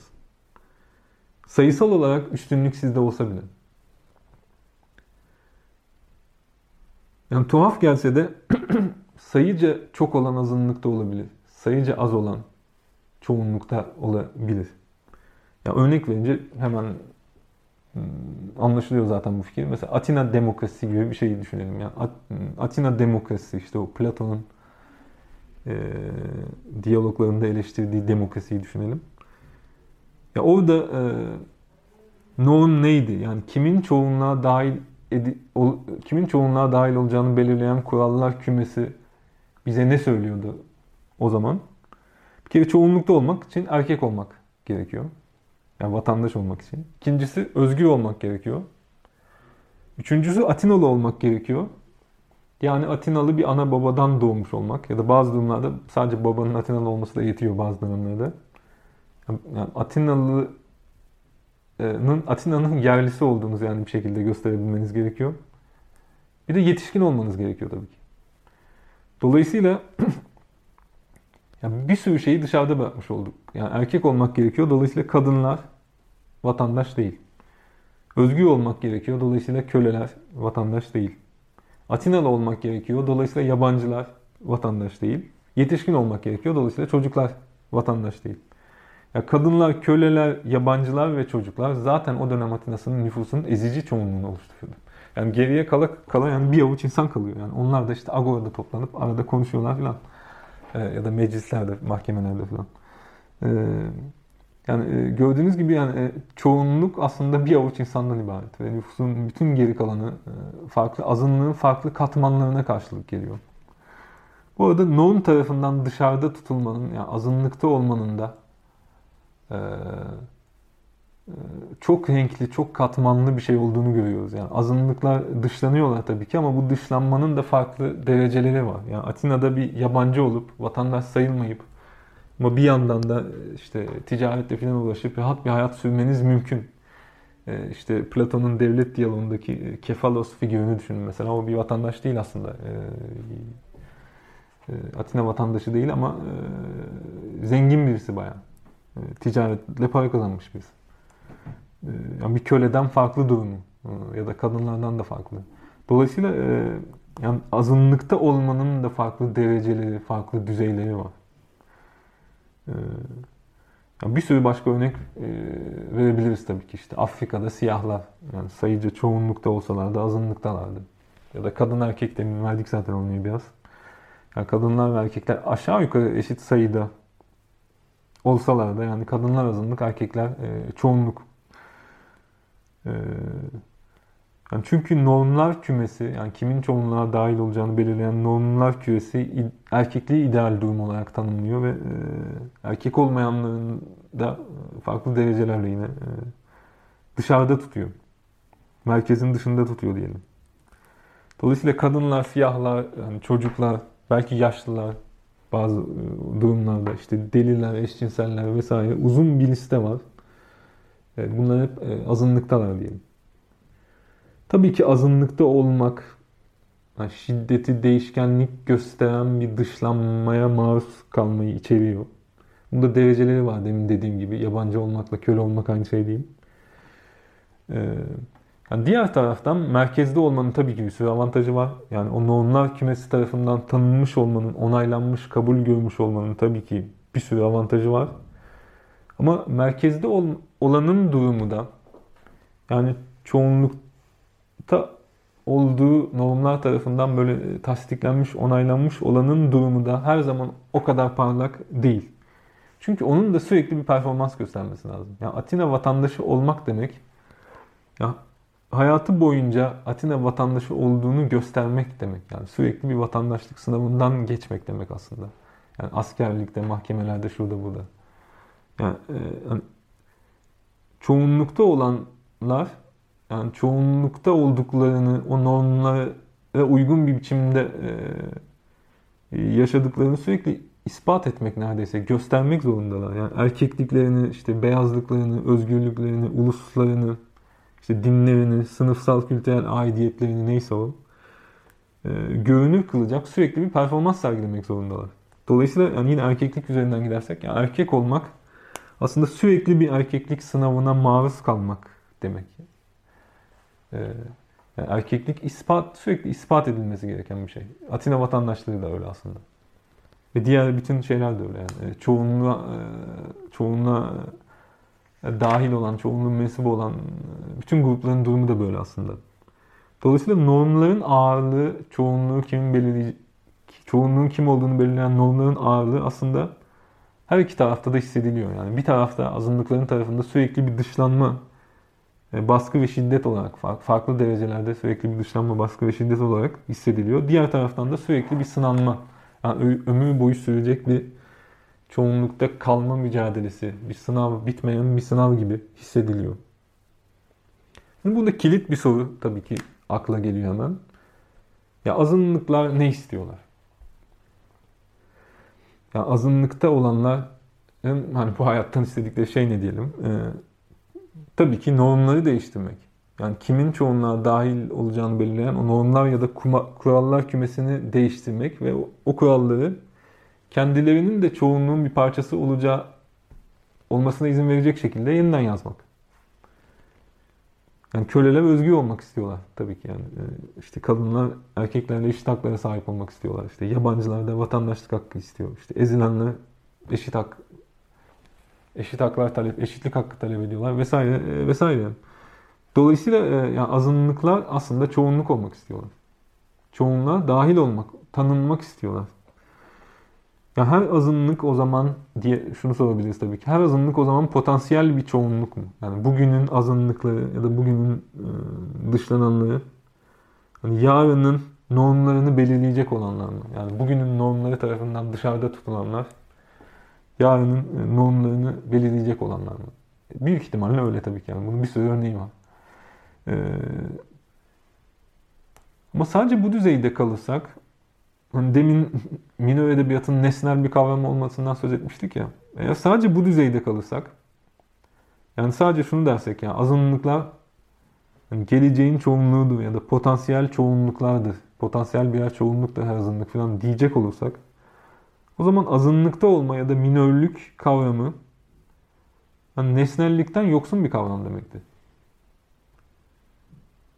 Ee, yani tabii ki şunu demek istemiyorum. Azınlıkta olmak ya da çoğunlukta olmak önemsiz demek istemiyorum. Yani belli bir tarihsel durumda azınlıkta mı çoğunlukta mı olduğunuz yani sizin için tabii ki hayati bir önem taşıyacaktır. Ama felsefi olarak bakarsak eğer minörlük potansiyel majörlük demekse yani azınlıkta olmak e, potansiyel olarak çoğunlukta olmak demekse o zaman minörlük diye bir kavram yok demekti aslında bu. Yani minörlük kavramının pozitif bir içeriği yok demektir. O sadece e, henüz çoğunlukta olmayan demek. Yani kendi başına minörlük çoğunlukla ilişkisinden bağımsız olarak kavramsal bir içeriğe sahip değil demektir. Dolayısıyla işte minörlüğün e, nesnelliği yok demektir belki. E, ama burada işte tam bu noktada yine bir tür çift kutuplulukla karşılaşıyoruz. Yani demin minör edebiyattan söz ederken karşımıza çıkan o tarihsellik, aşkınsallık ikiliği, gerilimi bir kez daha bu sefer Binya'yla da karşımıza çıkıyor. Yani şöyle çok genel olarak söyleyecek olursam tabii ki Binya ile çok katmanlı, karma karışık bir kitap ve kalın da bir kitap. Ama kitap boyunca Deleuze ve Guattari'nin takip ettiği bu minörlük meselesi ne zaman açılsa takip ettiği, benimsediği, aynı anda benimsediği iki farklı strateji var bence. Birincisi e, yani belli tarihsel koşullarda yani çoğunlukta ol, çoğunluk tarafına geçme yani o e, normlar kümesi tarafından tanınma mücadelesi veren azınlıklardan yana olmak tabii ki. Yani bir strateji bu. Yani azınlıklardan yana olmak. Yani tarihsel bir olgu olarak e, e, baskı altında olan işte dışarıda tutulan azınlıklardan yana olmak. Onların mücadelesine destek vermek. Bir, birinci strateji bu. İkincisi, ikinci strateji bu tarihsel koşulların ötesinde herkesi ilgilendiren bir azınlık oluşa odaklanmak ya da minor oluşa odaklanmak. Bu da işin aşkınsal kısmı. Ee, ya ilk stratejiyi anlamak kolay tabii ki. Yani azınlıklara destek vermek, azınlıkların mücadelesine destek vermek biraz sağduyu, biraz hani vicdan gerektiren bir şey. Yani derin felsefi kavramlar almaya gerek yok neredeyse onun için. Ama minor oluş kısmı yani hepimizin azınlıkta olduğu e, aşkınsal diyelim başka bir düzlemden minörlük meselesine bakma. O st- ikinci strateji biraz daha zor. E, şimdi bin yayladan bir bölüm okuyacağım ve e, yine e, bir stratejiden diğerine, bir düzlemden diğerine yani tarihsellikten aşkınsallığa diyelim e, bu metnin nasıl geçiş yaptığını e, açıkça göreceğiz. Uzunca bir alıntı yap- yapıyorum şimdi. E, değişmez değerden farklı bir belirlenim diyorlar Deleuze ve Guattari. Değişmez değer derken kastettikleri şey demin benim normlar ya da kurallar kümesi dediğim şey. Yani çoğunluğun çoğunluğa kimin dahil olacağını belirleyen kurallar kümesi. Ne metin değişmez değer diyor. Değişmez değerden farklı bir belirlenim sayısı ne olursa olsun doğası gereği azınlık olarak yani bir alt sistem olarak ya da sistem dışı olarak görülecektir. Yani azınlıkta olmak e, sayılarla bilgisi yok diyor. Yani e, sayıca az ya da çok olmakla bilgisi yok. Seçiminizin değişmez değerin sınırları dahilinde kalması koşuluyla yani normlara uygun olması koşuluyla size seçim hakkı veren işlemlerde, oy verme işleminde ya da benzer işlemlerde bu açıkça ortaya çıkar. Toplumu değiştirmeyi seçemezsiniz. Ama bu noktada her şey tersine döner. Şimdi metin buraya kadar hani tarihsel, demin tarihsel dediğim azınlıkta olma durumundan bahsediyordu. Yani belli normlar tarafından yani o e, işte belli bir yerde ve zamanda belli bir tarihsel bağlamda geçerli olan normlar tarafından dışarıda tutulmuş olmak. Bundan bahsediyor metin. Şu ana kadar anlatıladığım yerde. Ama şimdi bir kırılma gibi bir şey olacak yine. Bir sıçrama olacak yine. Tıpkı Kafka metinlerindeki gibi. Ama bu noktada her şey tersine döner. Çünkü soyut çizelgede analitik olarak içerildiği ölçüde çoğunluk asla herhangi biri değildir. Çoğunluk asla herhangi biri değildir. Çoğunluk daima hiç kimsedir. Oysa azınlık herkesin oluşudur. Herkesin modelden saptığı ölçüde sahip olduğu potansiyel oluştur. Bir çoğunluk olgusu vardır ama bu hiç, hiç kimseye ait analitik bir olgudur. Herkesin azınlık oluşuyla karşıtlık içindedir. Bir anda her şey e, tersine döndü. E, yani bir anda bir sıçramayla işte her şeyin tersine döndüğü bir anla e, azınlık çoğunluk ilişkisini bir tahakküm ilişkisi olarak ele almayı bir yana bıraktık. Yani baskı altında olan azınlıkların mücadelesini desteklediğimiz düzlemi terk ettik diyelim. E, azınlığı ve çoğunluğun hani belki yaşamsal ya da varoluşsal anlamlarına bakmaya başladık. O zaman her şey tersine döndü. Yani çoğunluk daima hiç kimse demeye başladık. Azınlıksa herkes demeye başladık. Ya bunu nasıl anlayabiliriz? Bir anda tuhaf bir şey oluyor metinde. Yani şöyle düşünün. Ya kim o normlar kümesiyle, çoğunluğu belirleyen normlar kümesiyle tam olarak örtüşüyor? Yani kim o normların hani varsaydığı modeli tam olarak kendi hayatında gerçekleştirebiliyor? Hiç kimse. Hiç kimsenin hiç kimsenin anlamı bu. Yani çoğunluğun hiç kimse olmasının, boş küme gibi bir şey olmasının anlamı bu. Yani şöyle düşünün, kim tam olarak e, yetişkin? Yani ideal bir yetişkinlik modelinin bütün normlarını kim tam olarak karşılıyor? Hiç kimse aslında. Yani kim erkeklik e, modelini tam olarak karşılıyor? Yani tam bir erkek diyebileceğimiz kim var? Hiç kimse. E, kim tam olarak vatansever ya da tam olarak özgür? Hiç kimse. Buradaki fikir bu. E, yani herkes aslında e, modelden saparak e, varoluşunu devam ettiriyor. Yani soruyu tersten sorarsak yani kim erkeklik modelinden saparak Yani bir şekilde kadın oluşa dahil oluyor. Deleuze ve Guattari gibi konuşursak aslında herkes. Yani kim çocuk oluşa dahil oluyor yetişkinlik modelinden saparak herkes. Yani buradaki mantığı anladınız. Yani azınlık oluşta bir evrensellik olduğunu söylüyor Metin. Çoğunluk oluşun, çoğunluğunsa yani bir boş gibi olduğunu, soyut bir normda, normdan ibaret olduğunu söylüyor. Aslında hepimiz şu ya da bu biçimde e, yani bize sunulan ya da dayatılan normlar kümesinin e, dışına çıkıyoruz. O kümenin varsaydığı modeli ihlal ediyoruz aslında. O modelden sapıyoruz ve o sayede e, e, hayatımız anlamlı bir şeye dönüşüyor. Deleuze ve Guattari'nin kullanmadığı bir şey bu ama e, e, yani bir yaratıcı e, boyut kazanıyor diyor diyelim varoluşumuz. Dolayısıyla burada da e, iki yüzlü, iki yönlü bir kavramla karşı karşıyayız. Minörlük kavramı bir yüzüyle belli tarihsel koşullarda tırnak içinde gerçekten azınlıkta olan diller, etnik gruplar, işte cinsel eğilimler, sınıflar, toplumsal oluşumlara bakıyor. Oraya yöneliyor bir yönüyle. Ve oradaki tahakküm ilişkilerini yeniden düşünmemizi sağlıyor vesaire. Ama diğer yönüyle, diğer yüzüyle e, çoğunluğun bile yani en merkezde olanın bile dahil olduğu, kaçamadığı bir azınlık oluşu var. Yani modelden ıı, saptığımız ölçüde hepimiz bu azınlık oluşa dahil oluyoruz. Ve o modeli yani bir daha o ıı, ifadeyi kullanalım. Yersiz yutsuzlaştırmaya, böylece kendimize işte yaratıcılık alanları, hareket alanı aslında açmaya başlıyoruz. Yani azınlıkların tanınma talepleri var bir yanda doğru. Bunun ötesinde bu sapma, değişme, çeşitlenme, yaratma gücü de var. Kavramın diğer yüzü bu.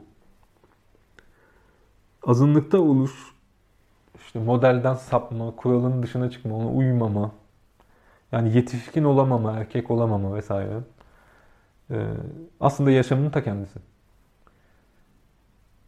Ya herhangi bir yaratımın, herhangi bir yaşam olanağının, herhangi bir varoluş biçiminin aşkınsal koşulu yine Deleuze ve Guattari'nin kullanmadığı ama bence kullanılabilecek o ifadeyi kullanırsak e, minor olmak.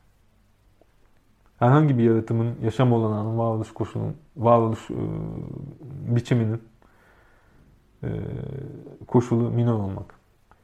Yani modelden sapmak. E, ve minörlük kavramının nesnel içeriğinin bu olduğunu e, söyleyebiliriz belki. Yine o nesnellik meselesine dönecek olursak. Şimdi Pinya'yla da minörlüğe biraz baktık. E, ya bunu minörlüğü anladıktan sonra, minörlüğün iki yönlülüğünü anladıktan sonra şimdi minör edebiyat tartışmasına geri dönelim. Ve bu söylediklerimiz ışığında hani minör edebiyata bir daha bakalım. Ya aynı iki yönlülük var burada da yani. Minör edebiyatta da aynı şey var. Yani bir anda tarihsel bir olgu olarak azınlıkların edebiyatları, işte Varşova'da, Prag'da Almanca yazan Yahudiler, diğer yanda edebiyatın kaynağında yer alan, edebiyatı mümkün kılan, edebiyat gibi bir şeyin ortaya çıkmasını sağlayan bir sapma, majör dilin e, bize dayattığı normların dışına çıkma vesaire. Aynı her şey. Ee, o zaman şunu yapmamız lazım. Yani Kafka kitabının bize azınlık edebiyatlarının üç özelliği olarak sunduğu özellikleri dilin yersiz yutsuzlaşması, her şeyin politik olması, kolektif sözcü üretimi bu üç özellikleri tarihsel değil de aşkınsal düzlemde yeniden tartışmamız lazım. Yani Deleuze ve Guattari'nin yapmadığı şey aslında bu. Ya bu üç özellik, azınlık edebiyatlarının üç özelliği olarak sunulan özellikler. Praglı Yahudi bir yazar için değil de Kafka için, Beckett için, Selin için ne anlam ifade ediyordu? Yani minörlüğün tarihsel bir olgu olarak değil de edebiyatın koşulu olarak düşündüğümüzde bu üç özellik neye karşılık geliyor tam olarak? E, Deleuze ve Guattari işte bu soruyu e, açmıyorlar. Biraz birincisini açıyorlar. Yani dilin yersiz yutsuzlaşması üzerinde duruyorlar. Ama diğer iki özelliğin yani her şeyin politik olması ve kolektif sözcü üretiminin hani, e, azınlık edebiyatlarının tarihsel bağlamı dışında edebiyatın koşullarını düşünmek açısından ne gibi bir anlam taşıyabileceklerini, taşıyabileceğini bize söylemiyorlar. İşte burada e, Deleuze ve Guattari'nin eksik bıraktığı şeyi e, tamamlayabiliriz yani. Yine tabii ki onlardan yardım alarak yani bin yaylada işte azınlık hakkında söylenenlerden demin gördük onları yardım alarak. Ayrıca belki Döloz'un kritik ve klinik kitabının ilk metninden, edebiyat ve yaşam metninden yardım alarak bu üç özelliği edebiyatın koşulları, genel olarak edebiyatın koşulları açısından tekrar gözden geçirebiliriz. Şimdi bunu yapmaya çalışacağım. Birinci özelliğimiz neydi? Azınlık edebiyatlarında yazarlar hakim olmadıkları bir majör dilde yazıyorlar. O yüzden de o dili tırnak içinde kötü kullanıyorlar, bozuyorlar. İşte yersiz yurtsuzlaştırıcı bir etki ortaya çıkıyor. Böylece. Bunu gördük. Bu e, belli tarihsel bağlamda ana dillerinde değil de başka bir dilde yazmaya mahkum olmuş, böyle yazmak zorunda bırakılmış yazarlar için geçerli. Oysa bütün edebiyatlara içkin bir eğilim olarak, bir çizgi olarak minörlük açısından düşündüğümüzde kendi ana dilinde e, bir yabancı gibi yazmak gerekiyor. Yani buradaki fikir bu. Yani kendi ana dilinde bir yabancı gibi yazmak. Yani Deleuze ve Guattari bunu sadece bu birincisini biraz açıyorlar şeyde. Minör bir edebiyat nedir bölümünde. Yani kendi ana dilinin kendi ana dilinin göçebesine, göçmenine, çingenesine dönüşmek diyorlar mesela. Yani kendi ana dilinde e, işte çukur kazan bir köpek gibi yazmak falan. Demin anlatılamıştım onları. E, bunun arkasında da şu fikir var aslında. Her dil, Pinya'yla da açıkça e, ortaya konan bir fikir bu. Her dil zaten dengesiz ve heterojen unsurlar barındıran bir çokluk. çokluk. Yani dilin kendisi zaten homojen bir şey değil. Yani ana dilini konuşan biri bile yani sadece ana dilini konuşan, tek bir dil konuşan birisi bile aslında bu açıdan çok dilli. Çünkü konuştuğu dil aslında birden çok. Ee, dolayısıyla minör yazar, bu sefer azınlık yazarı değil. Yani minör, Kafka'yı minör, Kafka'nın minör olması anlamında e, minör yazar. Ana dilinin bu dinamik yanını keşfettiğinde dilin standart kullanımının dışına çıkıyor. Yani dilin kullandığı dilin kendisinin aslında birden çok olduğunu, çok bir sürü dil barındırdığını keşfettiğinde yani kendi dilinde bir yabancı gibi yazmaya başlıyor. Dolayısıyla birinci e, Minor Edebiyat'ın birinci özelliği, yani birinci aşkınsal özelliği diyelim, o azınlık edebiyatlarından türettiğimiz birinci özellik, e, ana dilinde bir yabancı gibi yazmak.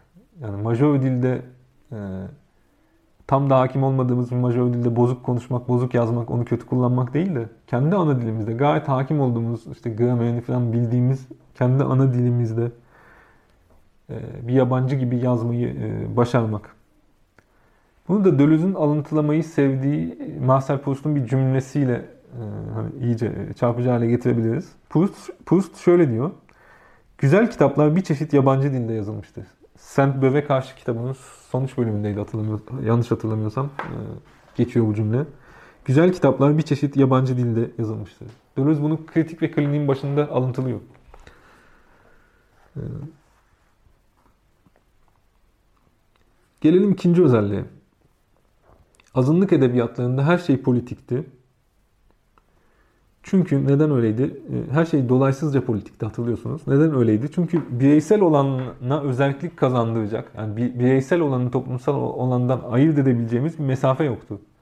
Azınlık edebiyatlarının dar uzamı meselesiydi bu. Hatırlıyorsunuz bunu. Şimdi minor e, e, genel olarak bütün edebiyatlara içkin bir eğilim olarak minörlük açısından bu her şeyin politik olması fikrine bakarsak şöyle diyebiliriz.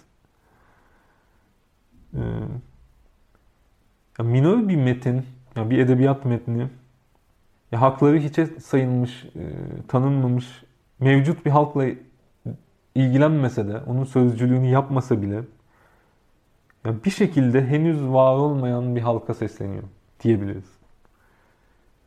Yani minör yazarın dolaysız politikliği aslında henüz var olmayan bir halka seslenmesinden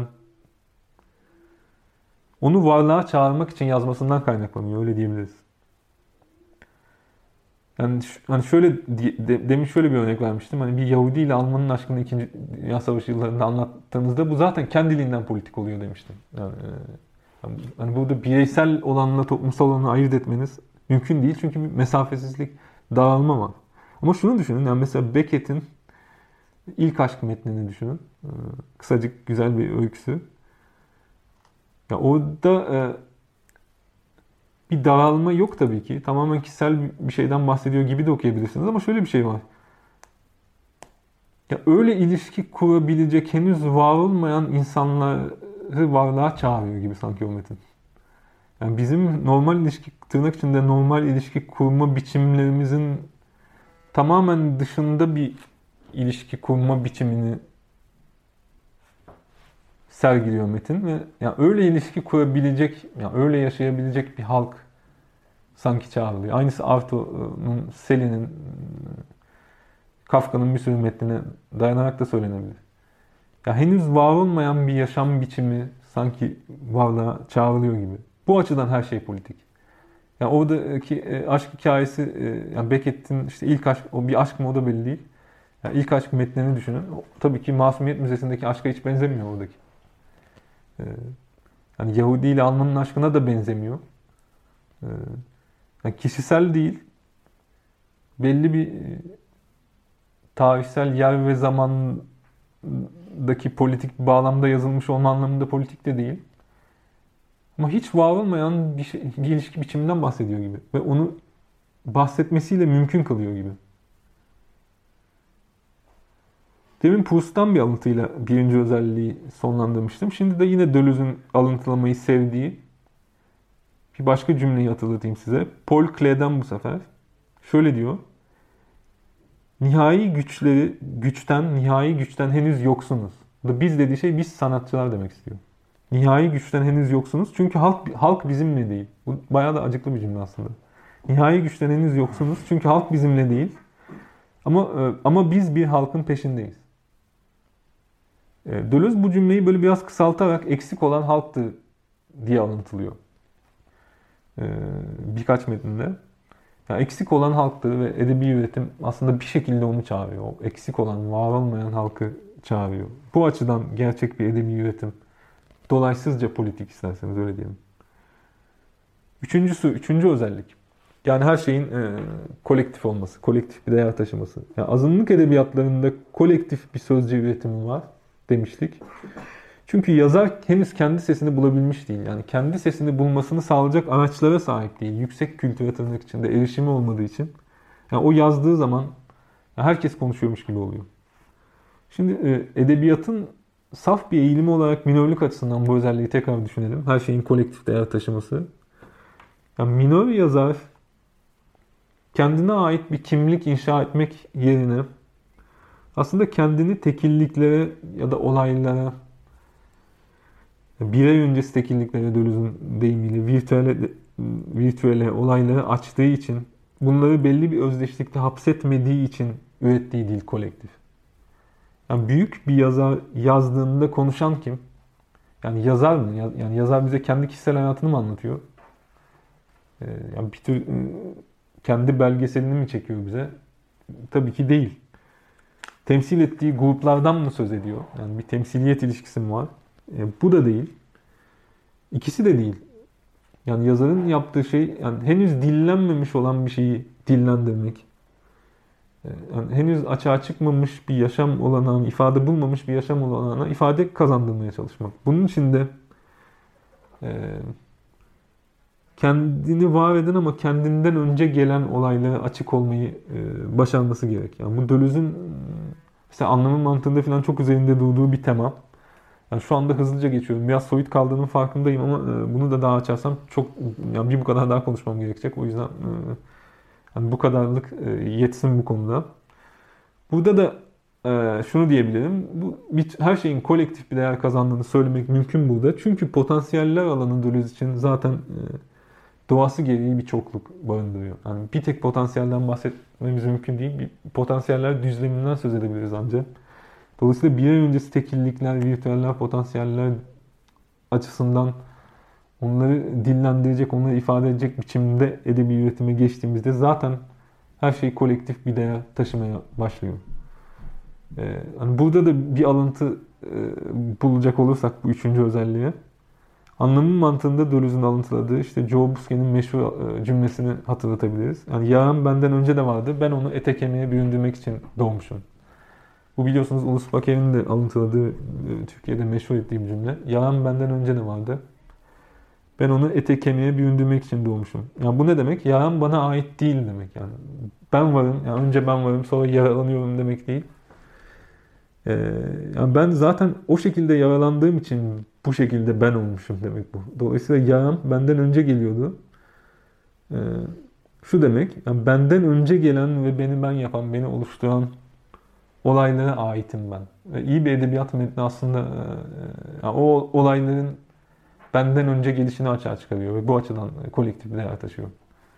Yani aşırı kişisel bir edebiyat metni e, bu minörlüğü boğuyor ve edebiyatı öldürüyor Deleuze'e göre. Yani Deleuze e, salt kişisel olan metinlerin yani edebi değer taşımadığı konusunda mesela anı kitapları falan gibi şeyleri e, edebi değer taşımadığı konusunda bayağı sert ifadeler kullanıyor söyleşilerinde. Dolayısıyla toparlayacak olursak ne demiş olduk? Azınlık edebiyatlarının üç özelliğini edebiyatı edebiyat yapan koşullar düzeyinde yeniden tekrar ettiğimizde şunu söylüyoruz, şu sonuçlara ulaşıyoruz. Ana dilinde bir yabancı gibi yazmak, yani azınlık olmasak bile, çoğunluk olsak bile bir yabancı gibi yazmak. Henüz var olmayan bir halka çağrı yapmak, yani sanatı, edebi üretimi henüz var olmayan bir halka çağrıya dönüştürmek aslında. Ve kendi kişisel dilini kendinden önce gelen olayların diline dönüştürmek. Yani birey öncesi tekilliklerin diline dönüştürmek. Yani minor edebiyatın nesnel bileşenleri bana kalırsa e, bunlar. E, bu birinci bileşen yani ana dilinde bir yabancı gibi yazmak Deleuze ve Guattari'nin işte Kafka kitaplarında sık sık e, açtıkları, geliştirdikleri bir fikir. Ama ikinci ve üçüncüsü yani benim bu tartışmaya dahil ettiğim yani Deleuze'ün başka metinlerinden bulup benim bu tartışmaya dahil ettiğim ee, hani Kafka kitabında eksik parçalar olarak kalan şeyler bence. Şimdi buradan e, sonuçlar e, çıkararak e, birkaç sonuca işaret ederek bitireyim. Yani ilk olarak artık tarihsel düzlemden hani aşkınsal bir düzleme geçmiş durumdayız.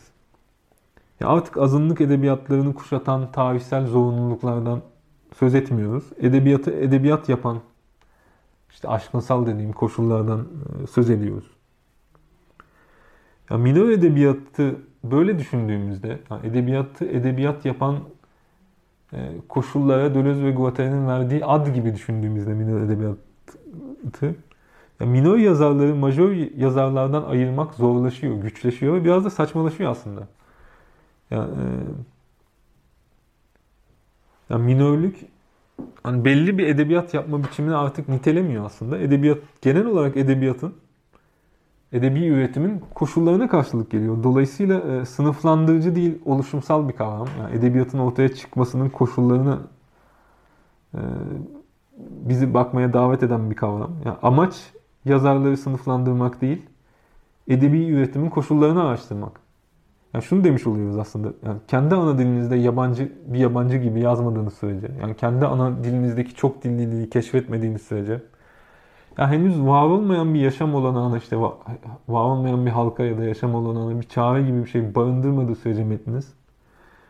Ee, yani birey öncesi olayların kolektifliğine açık olmadığınız sürece edebi bir üretim yapamazsınız demiş oluyoruz şu anda. Ee, bu artık e, belli yazarları diğer yazarlardan ayırmaya yarayan sınıflandırma ölçütü olmaktan çıkıyor artık bunlar. Ya edebiyatın ortaya çıkmasının koşullarına bizi bakmaya davet etmeye başlıyor. O yüzden artık sınıflandırıcı bir kullanımı, majör, majör minor ayrımının sınıflandırıcı niyetle kullanılması biraz saçmalaşmaya başlıyor. Ama öte yandan şu da var. Yani işin bütün problem o zaten. Yani Deleuze ve Guattari'nin e, kendisi de bu kavramı sınıflandırıcı biçimde kullanıyor. Bunu konuşmanın başında da söylemiştim. Yani Kafka'ya, Beckett'e, işte Selin'e, Arthur'a falan e, minör diyorlar açıkça. Ve bunların karşısında böyle majörler de oluyor. Yani Kafka'nın karşısında işte Gustav Meyrink. Beckett'in karşısında James Joyce. İşte Gerasim Luca'nın karşısında belki Paul Celan.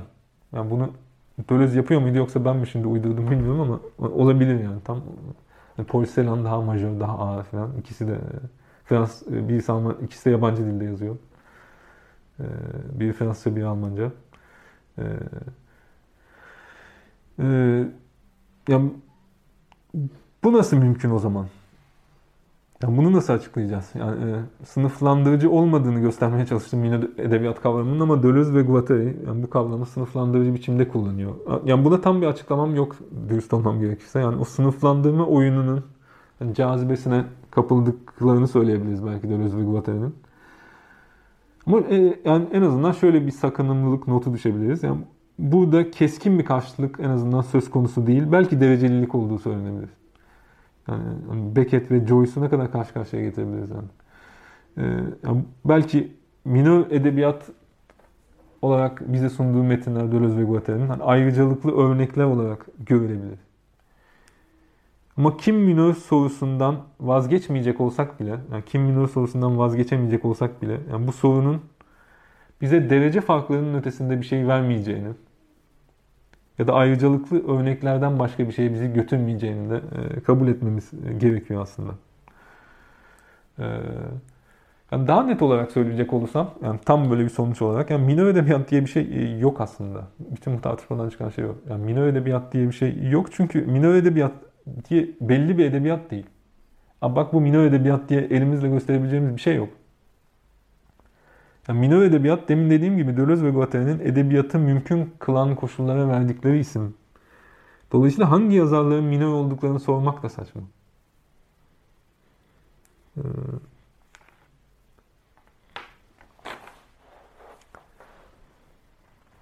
demin dediğim gibi yani bütün problem belki de Deleuze ve Guattari'nin bu kavramı sınıflandırıcı biçimde kullanmasından doğuyor. Yani sanki ayrı bir minor edebiyat varmış gibi. Minor edebiyat diye bir şey varmış gibi. Yani sanki minor edebiyat hani edebiyatın ta kendisi değilmiş gibi. Ya da sanki e, söz konusu olan onlardan bir alıntıyla söyleyecek olursam her edebiyatın devrimci koşulları değilmiş gibi. Yani sanki kendi söylediklerini unutup kavramı sınıflandırıcı biçimde kullanıyorlar. Yani bunun nedeni nedir? E, demin dediğim gibi bilmiyorum. Yani belki Deleuze ve Guattari'nin tarihsel düzlemden aşkınsal düzleme tam geçememesi, belki o tarihsel başlangıç noktasının, işte azınlıkların durumunun hani aşkınsal alana bulaşması ve onun evrenselliğini diyelim gölgelemesi. Ee, ve bu yüzden de her gerçek edebi metnin üretiminin koşullarının hani belli bir edebiyat belli bir edebiyat biçiminin koşullarıyla karıştırılması ya da e, bu sınıflandırma oyununun cazibesinden kaçamamış olmaları vesaire. Ama sonuçta e, minor edebiyat kavramının bir felsefi gücü varsa bence bana göre. Hani o Ulus Baker'in so- sorduğum ve cevabını alamadığım soruya benim cevabım bu olabilir. Yani neden minor edebiyat önemli, felsefi açıdan niye değer taşıyor diye soracak olursak yani bu kavramın gücü, felsefi gücü sınıflandırıcı yanından gelmiyor kesin. Yani bakışımızı edebiyatın ne olduğu, edebiyat gibi bir şeyin ortaya çıkış koşullarının ne olduğu sorusuna yöneltmesi bu kavramı ilginç ya da güçlü kılıyor. Yani tabii ki sevdiğimiz yazarlara minor diyebiliriz. Ee, sınıflandırmaya devam da edebiliriz. Ama e, şunu da unutmamamız gerek. Sevmediğimiz yazarlar da minor sonuçta. Ee, e, yani buradaki bütün mesele şu. Yani düşünceye direnen o yüzden de düşünülmesi gereken yani düşünceye direndiği için düşünülmesi gereken e, şey e, kimin minor olduğu sorusu değil tabii ki. Edebiyat denen e, tuhaf şeyin ne olduğu sorusu.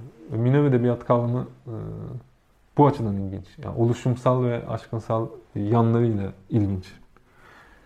Benim söyleyeceklerim e, aşağı yukarı bugünlük bu kadar. Dinlediğiniz için e, çok teşekkür ederim. Umarım ilginizi çekmiştir bu konuşma.